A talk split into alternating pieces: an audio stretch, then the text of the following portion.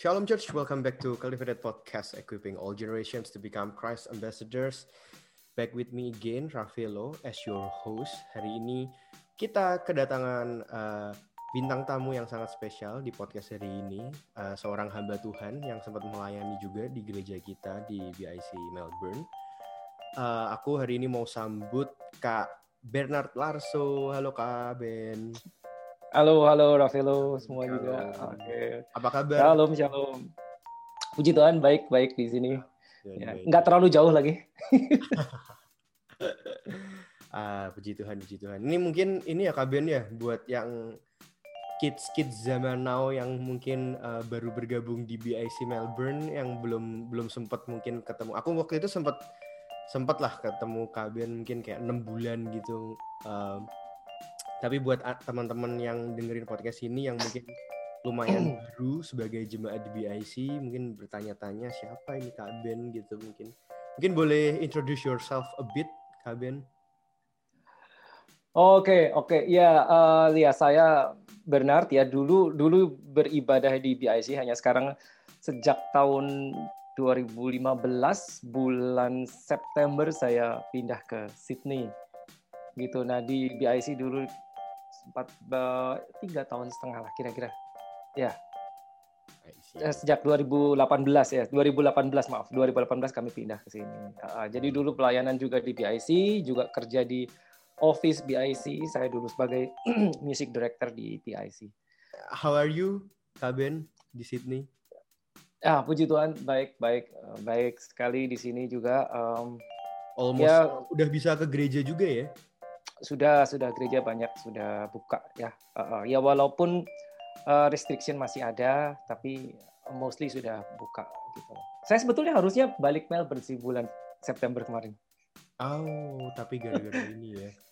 Cuma ya karena planningnya maksudnya benar-benar balik dalam arti pindah balik pulang-pulang ke Melbourne oh. September kemarin ya. Karena kan kami harusnya cuma dua tahun di Sydney Oh. Ya, jadi sudah iya udah udah survei-survei cari rumah segala tapi ya tiba-tiba kan lockdown. Akhirnya nggak jadi. Berarti maksudnya next year bisa balik juga dong? Um, nggak tahu juga ya sampai sampai akhirnya uh, saat ini akhirnya ya kami menetap di Sydney gitu loh. Oh. Uh, setelah dap dapat rumah di sini ya. Tapi kalau Tuhan suruh, oke, okay, balik atau pindah ke state lain ya sudah angkat kaki pindah. Wah, siap, siap, siap, siap, siap, siap. Uh, gitu. Good to know that Sydney ya, is going good and going better. Um, Melbourne juga almost normal, tapi sayangnya kita masih belum bisa ke gereja. Mudah-mudahan tahun depan kita udah bisa balik ke gereja. Uh, jadi buat teman-teman yang dengerin podcast hari ini, uh, hari ini kan kita Natal ya, hari ini itu tanggal 25 Desember 2020. Tentu saja Natal itu menjadi uh, salah satu perayaan yang paling kita tunggu-tunggu. Buat aku sendiri itu paling paling aku tunggu-tunggu salah satu perayaan yang paling aku tunggu-tunggu di sepanjang tahun gitu jadi hari ini kita pasti akan uh, bahas tentang apa sih makna Natal tuh buat buat kita sebagai umat Kristen tuh apa? Penting nggak sih? Atau kita masih perlu ngerayain atau enggak sih? Nah, gitu. Uh, tapi sebelum itu mungkin kita ngobrol-ngobrol ini kali ya Kak Ben ya. Apa kita mengenang 2020 yang berjalan begitu cepat? Menurut kita setiap tahun selalu bilang kayak wah gila tahun ini cepet banget. Tapi menurut aku tahun ini beneran cepet banget. Menurutku tahun ini beneran cepet banget, apalagi kita di lockdown dan aku aku personally salah satu yang kena dampak. Aku tahu beberapa ada temenku yang gara-gara lockdown malah tambah sibuk, tapi aku salah satu yang kena dampak dan walaupun di rumah aja, tapi it's actually going really uh, fast uh, for me juga gitu. Uh, tapi gimana Kak Ben? How's 2020 for you gitu? Kemarin lockdown apakah tambah sibuk atau malah jadi gimana? Iya, iya. Jadi iya memang memang uh, beberapa orang merasa bahwa 2020 sangat cepat ya. Walaupun ada beberapa mungkin yang merasa sangat lambat karena bagi mereka yang menunggu-nunggu nih kapan selesainya itu akan menjadi like very very slow. Ya, buat kalau buat saya sendiri saya sendiri tambah sibuk sebetulnya uh, dengan ya apa yang terjadi di ya semua inilah dari sejak bulan uh, Maret ya saya rasa bulan tiga ya kalau saya pribadi tambah tambah sibuk gitu loh ya karena um, karena basically basically sebelum sebelum ada sebelum pandemic ini saya memang sudah uh, work from home gitu loh. Jadi begitu ada ini so everybody uh, everything is lockdown kayak office semua tutup, banyak orang kerja dari rumah. Buat saya nggak ada bedanya. Hmm. Buat saya nggak ada bedanya. Justru um, uh, karena pekerjaan saya yang saya saya sebagai uh, produser kan, produser music producer, justru um, karena tidak ada uh, gereja gereja tutup juga, jadi dialihkan ke production. Jadi otomatis kalau buat saya pribadi saya tambah sibuk. Waktu, saya tambah sibuk. Kalau in terms of pelayanan gimana Kak Ben? Kayak 2000 kayak aduh aku inget banget 2020 awal tuh aku uh, ke gereja terus ko Daniel, ko Daniel Prayogo dia bilang mm -hmm ada kemungkinan ini bisa menjadi gereja terakhir kita. Oh enggak enggak, bahkan ini dulu Kak Ben aku ingat banget awal awal jadi kita gereja kan minggu hari Sabtu itu Kak Ben aku pergi sama salah satu teman Asher.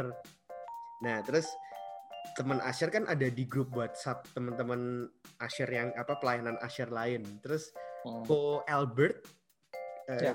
mungkin Kak Ben tahu ya Ko Albert. Tahu tahu. Jadi apa Ko Albert bilang wah mungkin kita besok ini nih eh, nggak uh, bisa salaman karena takutnya kan hmm. itu jujur aku di dalam hati kayak masa selebay itu sih masa sampai segitunya sih? Terus ya nggak nyangka ya. besoknya Koden bilang ini mungkin bisa jadi gereja terakhir kita gitu. Dan ternyata sampai sekarang beneran kita belum balik lagi ke gereja. Jadi itu kayak sesuatu yang apa ya? Yang tadi aku sharingin ya kayak ih gila ya 2020 kita tuh bener-bener we are not in control dan kita tuh bener-bener nggak tahu gitu. Apa pun tuh bisa terjadi. Membuktikan bahwa gereja adalah kita gitu memang bener membuktikan bahwa gereja tuh nggak lagi tentang gedung tapi ya kita berjemaat ini gimana kita bisa bantu orang hmm. lain apalagi yes. awal ibadah online komsel online PW online kayak gitu-gitu. Uh, iya, itu. Gimana kalau Kaben sendiri, apalagi Kaben mungkin yang juga pelayanan di di gereja gitu, melihat pandemi ini? Saya rasa mirip ya dengan yang terjadi di Melbourne. Saya juga masih ingat saat saat tanda kutip terakhir sebelum sebelum lockdown kita ibadah terakhir um, uh, dan semua tim produksi harus mulai harus mulai memikirkan bagaimana uh, caranya live streaming yang tadinya tanda kutip nggak pernah tiba-tiba harus cari tahu gimana caranya dan seterusnya. Nah, saya masih ingat itu waktu itu kan menjelang paskah ya, ya udah mau paskah gitu. Jadi ya banyak hal yang tanda kutip kita terpaksa harus belajar dalam waktu singkat. Untuk memindahkan yang onsite jadi online. Ya seperti itu. Ya, termasuk kayak nggak bisa salaman segala itu juga nggak nggak kepikir sama sekali. Saya rasa sama lah yang kita hadapi yang yang yang dirasakan sama yang di Melbourne sama di di di Sydney ya. Hmm. on bedanya sekarang mungkin di sini udah pada buka gitu aja. Hmm. um, Kabin kan kita kan aku yakin ya banyak teman-teman tuh yang apa ya lockdown tuh akan ada dua kubu yang malah jadi hmm. makin dekat sama Tuhan karena ya. mungkin pas justru jadi punya waktu banyak buat baca, buat buat buat main-main ke gereja lain juga dalam tanda kutip. Iya betul. bisa, bisa bisa kayak bisa kayak dengerin khotbah sana sini gitu. Tapi let's say tapi let's say yang itu kita inilah ya udah puji Tuhan good lah kalau memang ada orang bertumbuh gara-gara lockdown. Tapi yang pengen aku bahas, aku juga yakin pasti banyak yang dalam tanda kutip lepas juga. Kita tadi udah bahas hmm.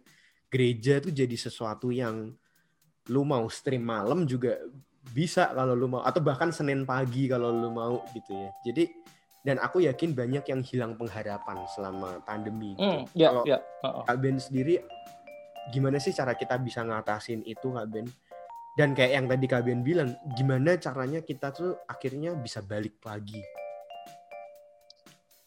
Uh, salah satu problem yang dihadapi saya yakin ya mungkin uh, hampir semua gereja mengalami terutama dari dari tim penggembalaan ya dari pastoral tim adalah maintaining jemaat. Pada saat semuanya jadi online itu bagaimana maintain jemaat? Karena uh, hampir nggak hampir nggak ter, ter apa ya terpantau gitu loh ya.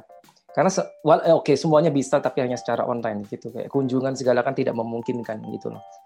Jadi ya seperti tadi yang mau bilang bahwa eh, apakah dia masih beribadah di gereja yang sama? Apa sudah tanda kutip ke seberang pindah dan seterusnya?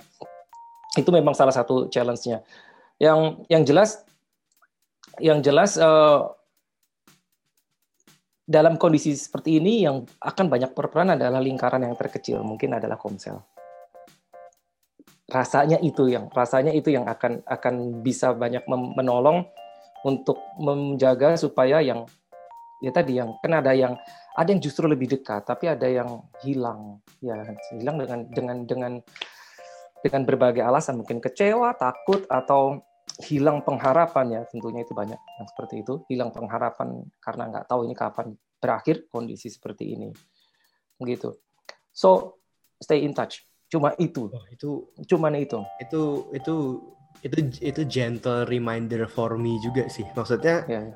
dalam tanda kutip aku kok tadi nangkepnya gini ya kak Ben? Kayak mungkin teman-teman kita yang dalam tanda kutip tadi mungkin udah hilang atau udah lama nggak ke gereja hmm.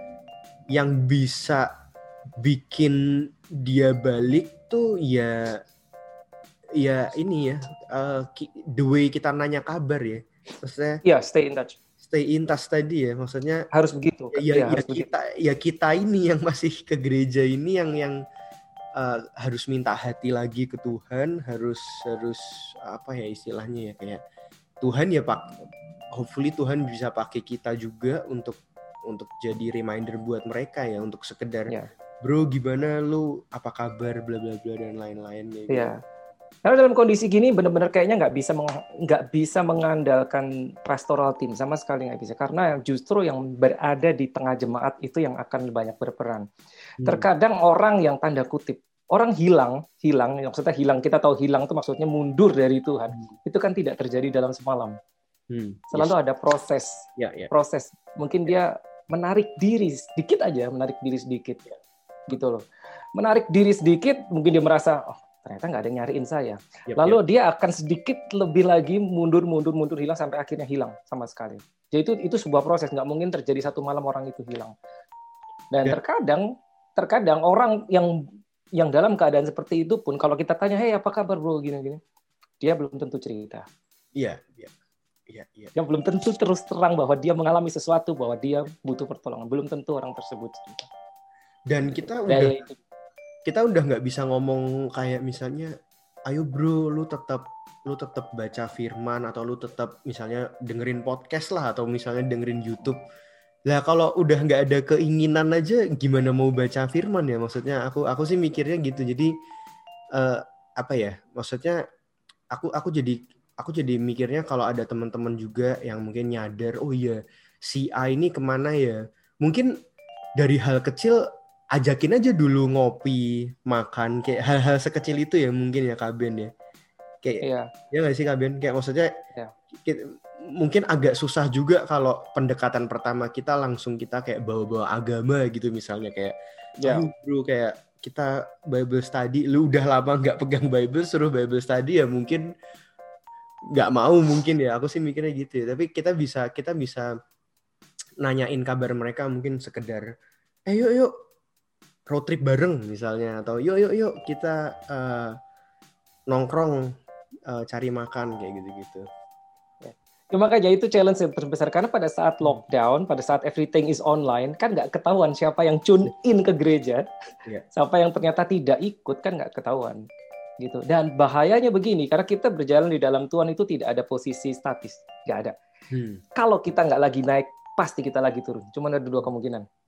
Ya. Kalau nggak kita lagi naik, kita pasti turun. Nah, the problem is pada saat kita mulai stop, stop tanda kutip berhenti baca firman kah itu titik itu sebetulnya kita sudah turun Yep, yep. Cuman nggak kerasa kalau kita udah turun.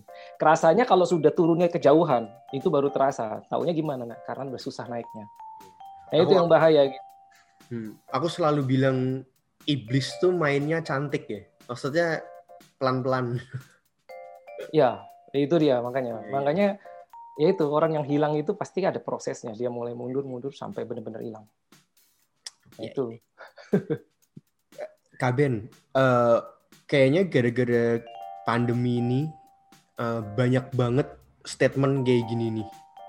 Tuh kan, uh, tuh mana mana buktinya kalau Tuhan baik kayak gitu-gitu. Ya, ya.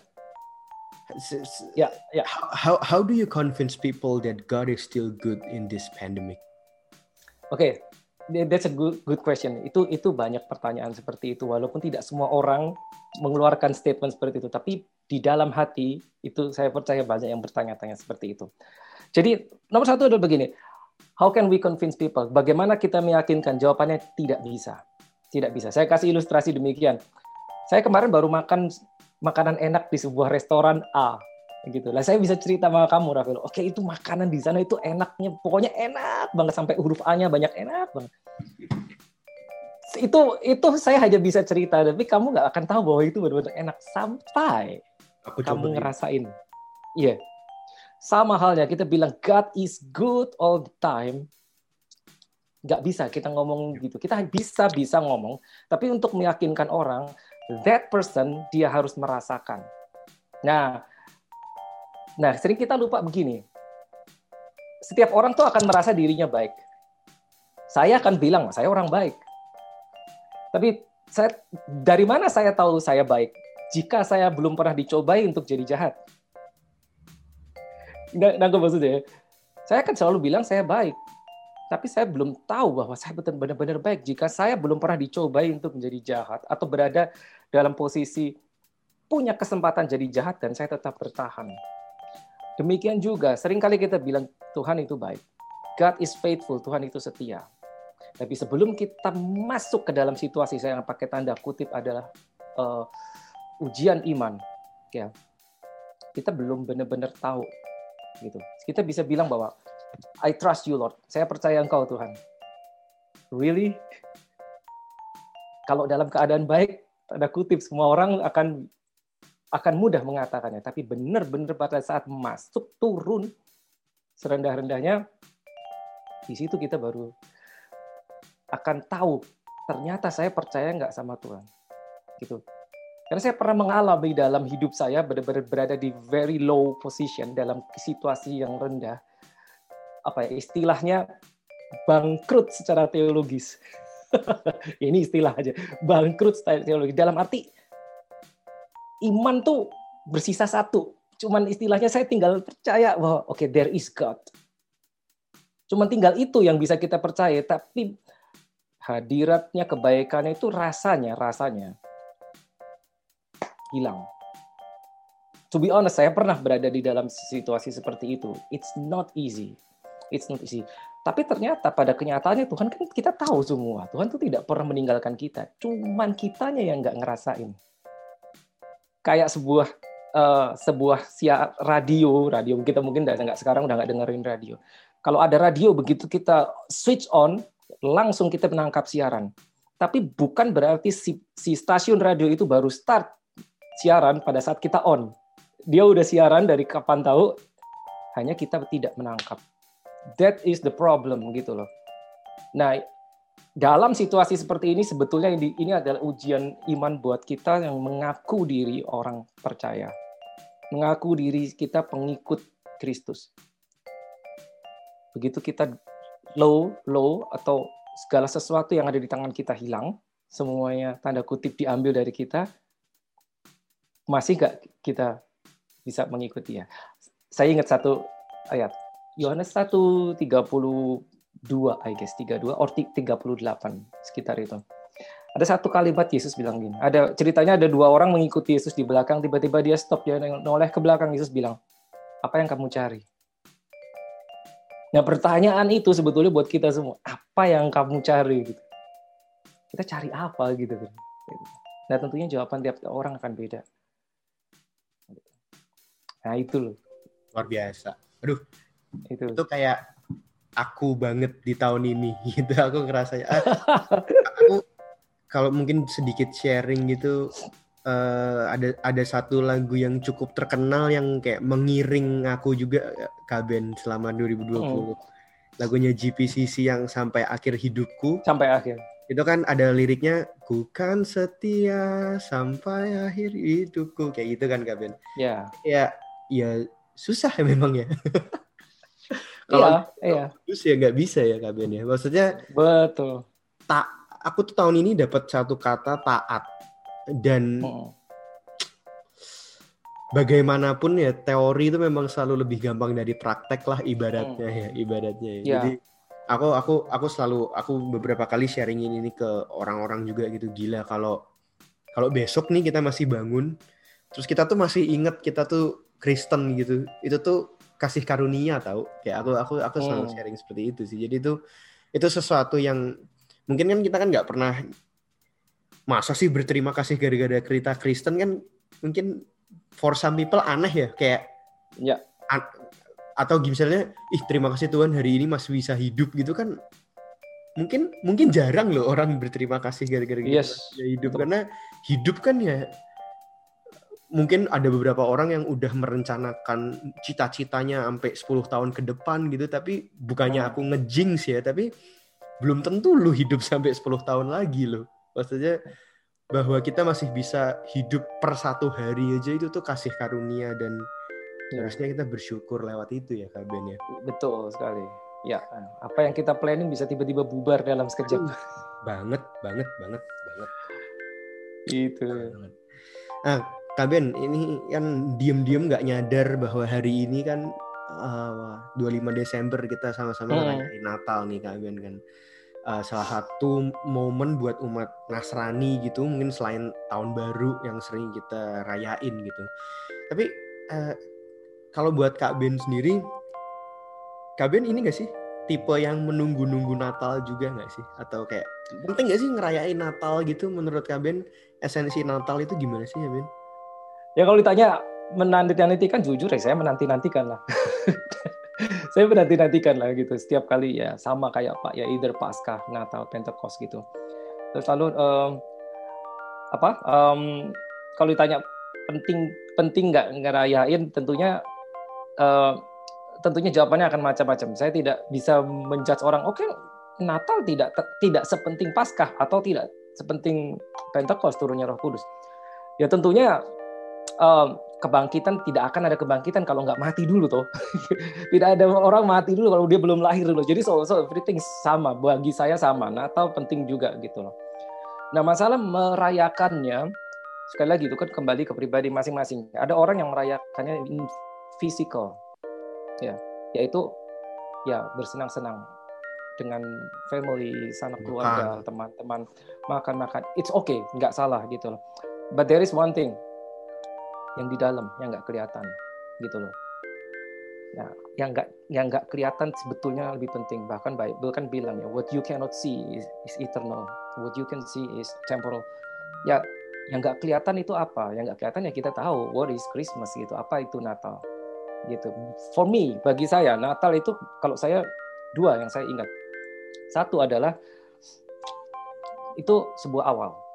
Kenapa? Born itu kan awal termasuk kayak kita sebagai Kristen we are born again lahir baru. Itu adalah awal dari perjalanan hidup kita ikut Kristus. Demikian pula Natal yang kita peringati itu adalah awal. Awal apa? Awal dari proses yang dilakukan Yesus di atas bumi. Bahwa dia tahu dia lahir hari itu sebagai bayi yang tak berdaya yang untuk menyelamatkan diri aja harus dibawa lari sama orang tuanya ke Mesir. But he is God. He is born a king dia lahir itu sudah raja, bukan lahir nanti gedenya jadi raja. Enggak, Alkitab bilang today itu lahir seorang raja. Jadi dia lahir jebret udah raja. Ini bayi ini nanti umur 33 mati. Kalau saya sayang saya ingat itu. Gitu loh. Itu nomor satu. Dan mat, karena matinya juga this is for me.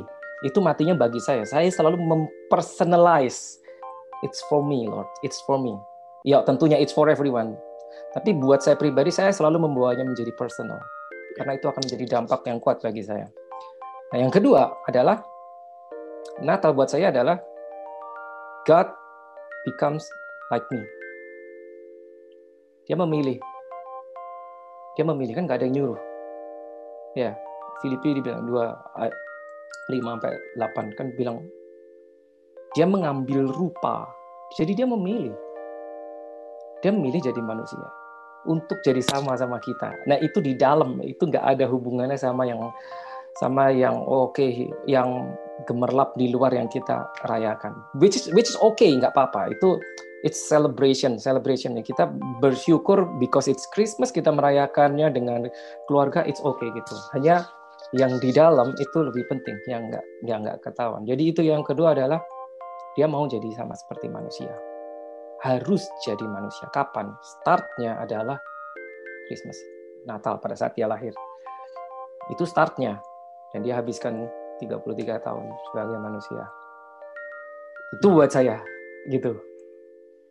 Jadi mungkin kalau ada teman-teman yang agak nggak ngeh ya Natal itu buat apa mungkin beberapa orang Natal itu ya pokoknya tuker kado ah akhir tahun liburan THR bla bla bla. Padahal sebenarnya kita tuh lagi merayakan sang juru selamat kita ya Kak Ben ya? Exactly sebuah, exactly. sebuah story the mungkin the best story ever. Yes. Ya. Yeah. nah yang, karena karena Natal itu kan dekat dengan tahun baru jadi selalu jatuh di dalam masa liburan. Jadi sangat mudah apa ya, sangat dekat dengan yang namanya ya, libur akhir tahun. Jadi ya akhirnya apa ya, identik dengan ya oke okay, holiday season gitu kan. Holiday season ya semua orang berkumpul, semua orang karena orang-orang pada libur, segala every everything every everybody ya akan takes a break akhir tahun gitu. Sehingga seakan-akan itu menjadi identik seperti itu. Sehingga sangat mudah kehilangan the true meaning dari Natalnya sendiri.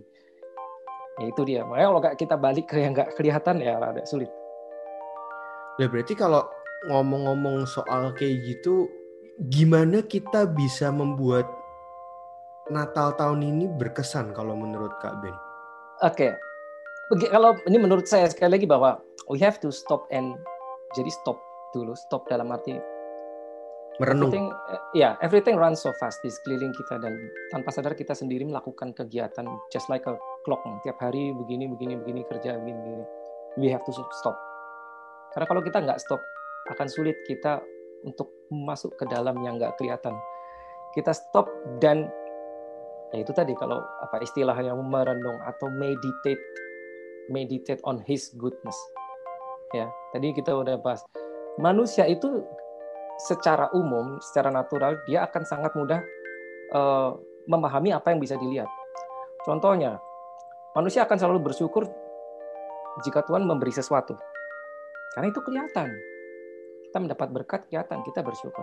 Hmm. Tapi yang nggak kelihatan, kan susah kita syukuri.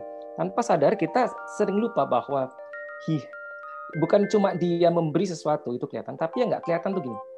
He has kept us from Hmm, amin amin amin. Kept us from the fact that right here right now saya ada di sini, kamu ada di sini, kita yeah. berdua nggak ada yang sakit. Berarti yeah. kita sudah diberi sesuatu, tapi kan nggak kelihatan. Yeah. Yaitu apa? Dihindarkan dari sakit penyakit. Itu itu penting sekali dan itu dalam dan itu biasanya kita akan gampang kelewat kalau kita nggak stop and think about it gitu loh yeah, yeah. maka ya akhirnya ya kita lebih gampang mengeluh gitu loh. Nah kalau mau membuat lebih meaningful Natal, menurut saya kalau saya pribadi saya akan stop and think about it. Think about it, lihat apa hari ini. Ya tadi kita udah bahas, kamu bilang bahwa sulit orang buat bersyukur bahwa ya, kita hidup hari ini, gitu loh. Karena apa? It's it's something yang simple, kita semua tiap hari mengalami, gitu. Ya itu, jadi Yesus datang sebagai manusia dari bayi kan sampai dia besar sampai dia mati tidak pernah sekalipun dia hidup buat dia Gak, hmm, dia selalu hidup buat orang nah, saya percaya saya yakin dia ingin kita begitu juga gitu kalau hari ini kita misalkan buka internet kita search like contohnya kita search di Google jumlah korban karena COVID-19. Berapa ratus ribu, mungkin udah setengah juta seluruh dunia. Bayangkan, we stop and think about it. Bahwa kita bukan salah satu di antara sekian ratus ribu orang itu. Harusnya at that very moment kita langsung bersyukur karena bukan kita di situ. Itu aja contohnya. Nah itu kan nggak kelihatan. Ya, ya, ya, nah itu. Jadi kita lihat ke orang lain. Hmm, hmm, hmm. Wah, puji Tuhan. Itu sih. Tuhan.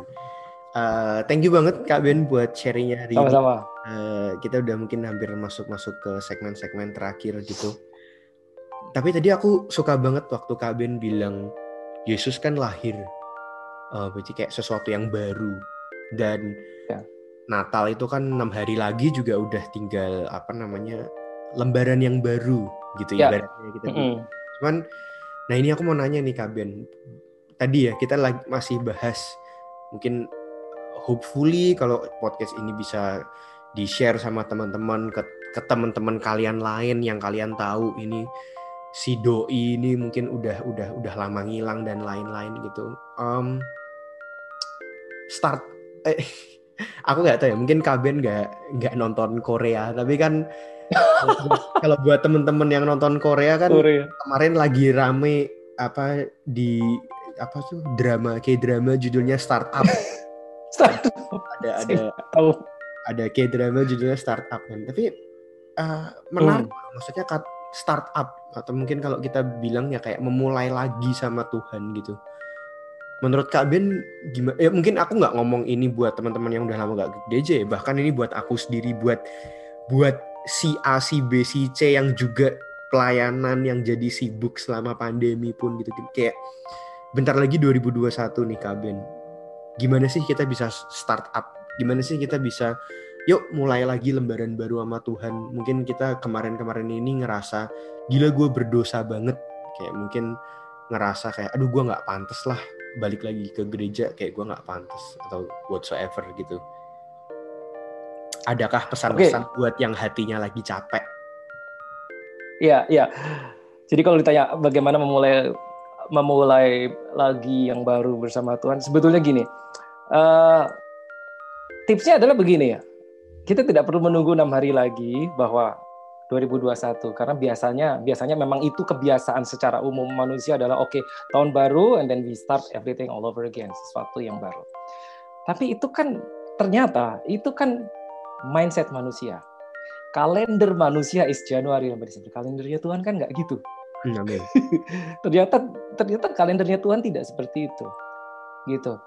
Nah, for me is every every day saat kita bangun in the morning it's a new start. It's a new beginning.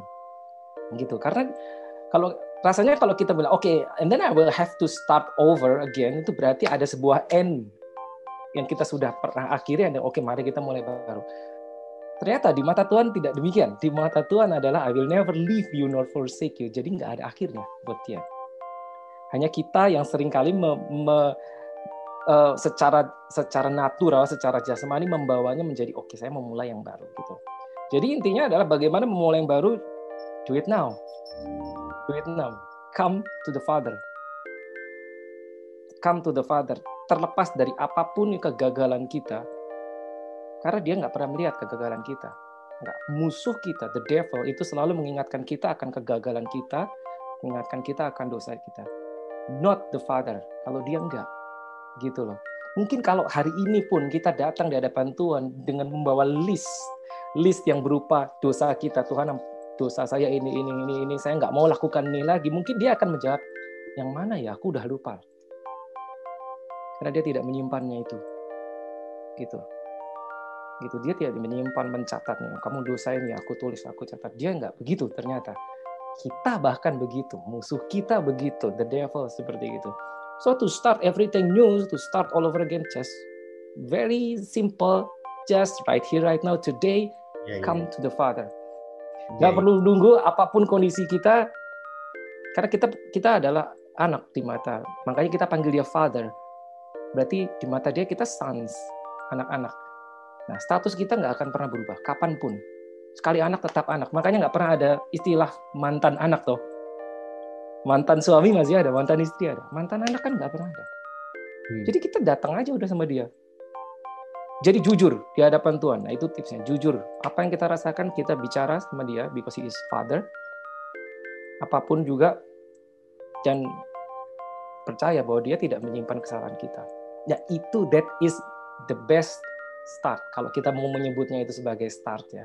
Walaupun di mata dia dia nggak pernah meninggalkan kita sehingga tidak ada tidak ada oke okay, ini habis and then oke okay, start over nggak seperti itu. Jadi gitu. Jadi for uh, kalender manusia is of course Januari sampai Desember, but di mata dia even now you come to me. That will make you aku aku suka kata-kata ini ya Kak Ben ya. Uh, pertobatan tuh dimulai sekarang bukan nanti. Ya. Karena kita belum tentu punya nanti. ya, betul sekali. gitu. Iya, iya, iya. Eh, aku punya pertanyaan ekstra, Kak Ben, kalau boleh. Oke, oh, oke. Okay, okay. Tadi tadi kita lagi bahas mungkin orang-orang yang sadar dirinya salah. Lah kadang-kadang ada orang yang gak even nyadar dirinya butuh sang juru selamat itu ada ini nggak ada any any any comment atau gimana?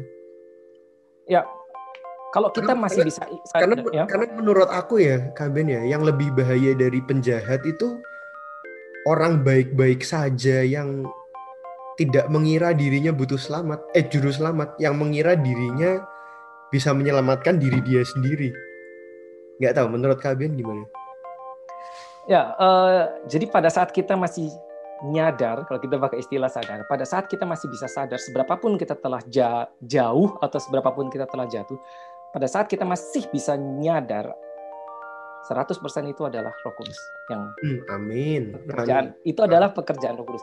Karena kalau tanpa Roh Kudus bablas kita, kita nggak akan balik, kita nggak akan bisa. Totally. Ya. Nah, yang masalah adalah orang yang nggak ada Roh Kudusnya. Ya, itu yang tanda kutip dikategorikan orang yang nggak nyadar-nyadar atau merasa baik padahal sebetulnya tidak baik gitu loh. Dia bisa sadar bisa, tapi hanya dari disadarkan oleh tanda kutip norma yang berlaku yang dia ketahui berlaku. Norma atau norma itu hal positif yang dia tahu oh this is good, this is bad. Itu adalah norma yang secara umum diakui di masyarakat. Itu bisa menyadarkan dia, bisa but it's not from the heart. Hmm. Karena itu hanya ada di sini. Kayak Taurat ya. Knowledge, knowledge karena itu knowledge. Itu cuma knowledge. Bukan wisdom, bukan understanding. Understanding in wisdom itu sudah masuk lebih dalam. Nah gitu. Nah gimana dengan orang yang seperti itu? Nomor satu ya kita harus berdoa buat dia, kita layani dia supaya dia terima Roh Kudus. Itu dulu. Amin amin amin. Kalau kalau enggak ya kita cuma berusaha narik-narik dianya nggak nyadar-nyadar juga gitu sih ya wah terima kasih sama-sama terima kasih Kak Ben udah mau isi di podcast hari ini sama-sama uh, mungkin kita berdua juga we wish you all Merry Christmas and Happy New Year juga ya buat teman-teman. Ya, Merry Christmas juga buat kamu dan semua semua yang ada di Melbourne. Iya. Uh, mungkin yang lagi dengerin ini lagi mungkin road trip atau lagi mungkin ngumpul atau bahkan mungkin di kasur atau apa uh, sekali lagi uh, we wish you Merry Christmas semoga damai Natal ini sukacita Natal ini benar-benar bisa apa ya menyadarkan kita bahwa Tuhan tuh baik banget. Buktinya apa? Buktinya 2000 tahun lalu dia mengorbankan dirinya buat kita. Uh, dan tadi nggak mungkin mengorbankan kalau nggak lahir kan kan? Masa yeah. tiba-tiba Tuhan jebret ada udah umur 30 kan nggak mungkin uh, Tuhan juga berproses Tuhan juga dari bayi dulu Uh, any last message mungkin Kak Ben buat kita semua? Ya paling uh, ya itu aja sebetulnya tadi sudah kita bahas bahwa uh, mulailah melihat ke sekeliling, yaitu ke orang-orang lain, gitu. Just like Jesus, dia tidak pernah hidup buat dirinya dia. Ya demikian pula kita seharusnya kita hidup bukan untuk kita sendiri, termasuk kita doa bukan untuk kita sendiri. Yang kita bawa dalam doa itu adalah ya orang-orang mungkin yang belum kenal Tuhan, orang-orang yang kita kasih. Hmm, hmm. Itu, ya, ya, ya, itu ya. akan membuat kita lebih mudah bersyukur. iya iya iya nggak mungkin orang di sekitarmu nggak ada yang bisa ditolong tuh nggak mungkin ya namanya iya iya iya iya amin amin Itu amin aja. Thank you banget buat Kaben udah mau aku ganggu nih di podcast hari ini. Oke, okay, no no worries ya sama-sama anytime. Kapan-kapan kita ngobrol-ngobrol lagi ya Kaben ya. Sip, sip.